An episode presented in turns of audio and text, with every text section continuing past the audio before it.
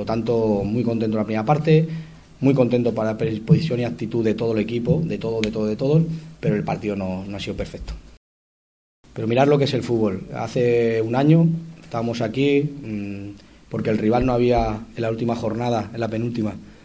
El eterno rival nos, consumó el bajar y estaba todo tristeza y, luego la decisión que toma el club, que entonces en un momento Jordi Lardín, encabezada y, sobre todo dando el ok de Mr. Chen, toma la decisión de que continúe y la gente decía que, que por qué.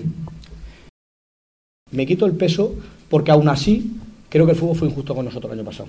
Aún así no hubo muchos rivales, creo que casi ninguno, que fuera mejor en el juego, pero no llegábamos. Y en este sentido me quita un peso porque, bueno, los que achacaban, sí, pero Gallego la ha bajado segunda vez, a tercera me la como, pues ahora ya lo tenéis ahí en segunda vez. Y a partir de ahí, pues bueno, pues intentaremos seguir trabajando.